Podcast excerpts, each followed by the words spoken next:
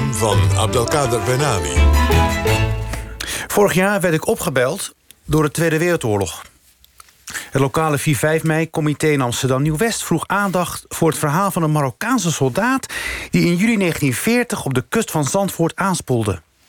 Hij was een van de duizenden soldaten die in het koloniaal Marokko door de Fransen waren gerecruiteerd om aan het Belgisch-Franse front te vechten. Als op 10 mei de Duitsers Nederland binnenvallen, trekken de Marokkaanse soldaten op om de Duitse opmars te weerstaan. De slag om Frankrijk is begonnen. Bij de slag om Sedan in Noord-Frankrijk wordt er hard gevochten. In het bijzonder door de Maghrebijnen.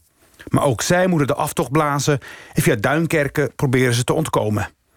Te vergeefs. Wat voor de jonge soldaten als een avontuur begon... eindigt op het water van de Noordzee in een gruweldood. Langs de kust van Nederland spoelen in de dagen na de evacuatie... Marokkaanse soldaten aan. Van Walcheren tot aan Schiermonnikoog en dus ook Zandvoort.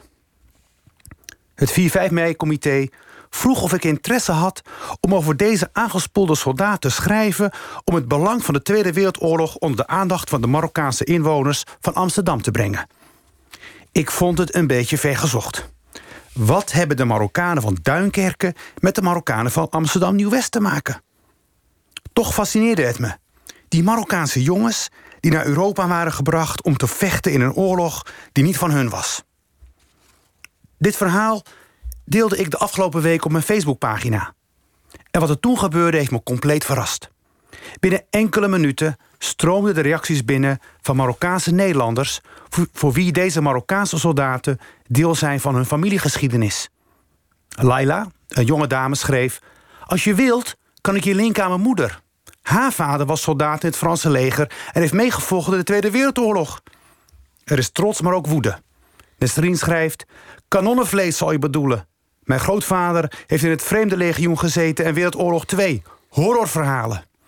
En Mustafa, zelf werkzaam bij Defensie, schrijft... Als je nog literatuur zoekt, heb ik er goede werken van liggen. En het verhaal van mijn auto. De jonge Fatima vertelt over haar grootvader... die onder een Franse kolonel vocht. Aan de grens met Duitsland ziet hij zijn kolonel abusieflijk aan voor een Duitser en doodt hem. De, Duitsers nemen, de Duitsers nemen hem gevangen en willen dat hij voor hun zaak vecht. Haar grootvader weigert en wordt per militair vliegtuig teruggestuurd naar Marokko. Ik moet denken aan het gedicht van Leo Vrooman.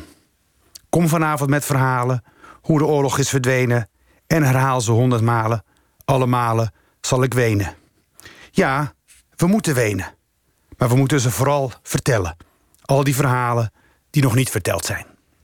Ja, Abdelkader Benali, bedankt. Uh, nu ik je zo hoor, denk ik ineens... ja, maar dit is natuurlijk een prachtig onderwerp... om er een keer een mooie documentaire voor Spoor terug van te maken. Al die kinderen, ja, nou ja, ik, ik, ik, heb, ik heb dat ja. in de Tweede Wereldoorlog. Wij, wij, moeten even koffie drinken straks. Ja, denk uh, het wel, ja, ja. helemaal goed.